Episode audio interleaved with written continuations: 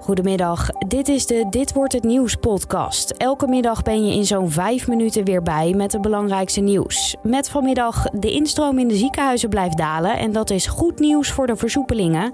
De nieuwe informateur heeft meer verteld over haar formatieplannen en de voorselectie van het Nederlands elftal voor het EK is bekend. Mijn naam is Iris Schut. Het is vandaag vrijdag 14 mei en dit is de nu.nl Dit wordt het nieuws middagpodcast. Beginnen met goed nieuws met het oog op de versoepelingen die mogelijk woensdag ingaan. De coronacijfers blijven namelijk dalen. De afgelopen 24 uur werd het laagste aantal nieuwe patiënten opgenomen in het ziekenhuis sinds eind februari.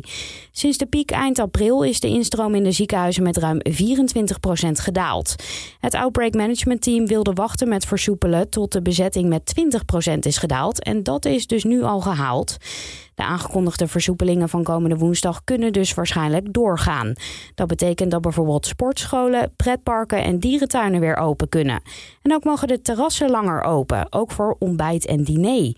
Ondernemers mogen de terrassen om 6 uur ochtends openen en s'avonds om 8 uur moeten ze dan weer dicht.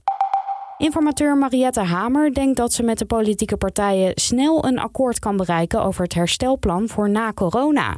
En dat wordt tijd, zei ze tijdens een persconferentie. Ik denk dat het eh, echt ongelooflijk belangrijk is dat de formatie nu echt van gang gaat. En eh, dat we proberen het stokje over te nemen van Herman Schenk Willink. Die eigenlijk al een invulling heeft gegeven aan hoe de nieuwe bestuurscultuur kan zijn. Maandag en dinsdag komen de fractievoorzitters langs bij de informateur. Er zal dan verder gesproken worden over de nieuwe bestuurs cultuur en dus over het economisch herstelplan.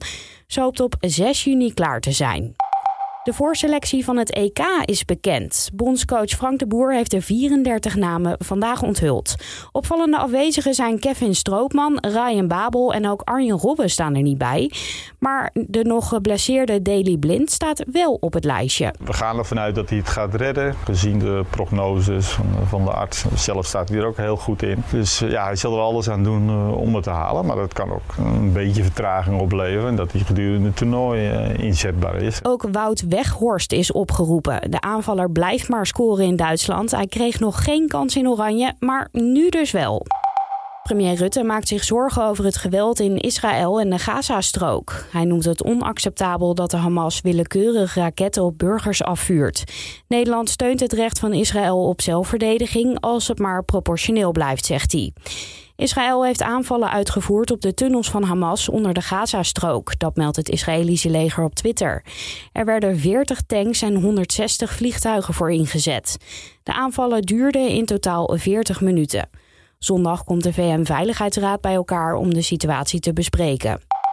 Een explosie in een moskee in de Afghaanse hoofdstad Kabul heeft zeker 12 mensen het leven gekost.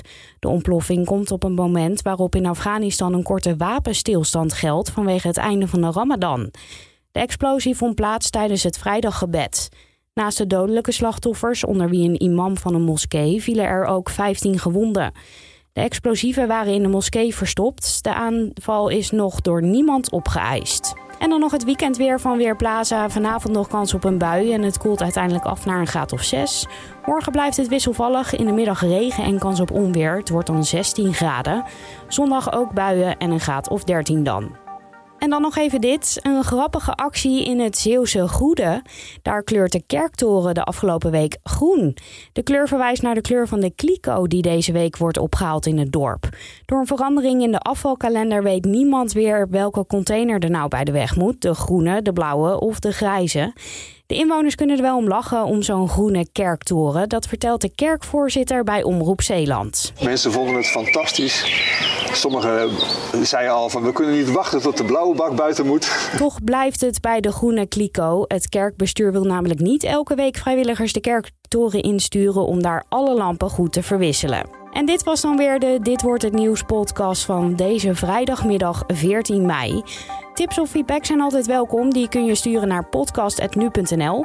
Mijn naam is Iris Schut. Ik wens je voor nu een heerlijk weekend. En maandag is mijn collega Carne van der Brink er weer. Ochtends om 6 uur met het nieuws van dan op nu.nl.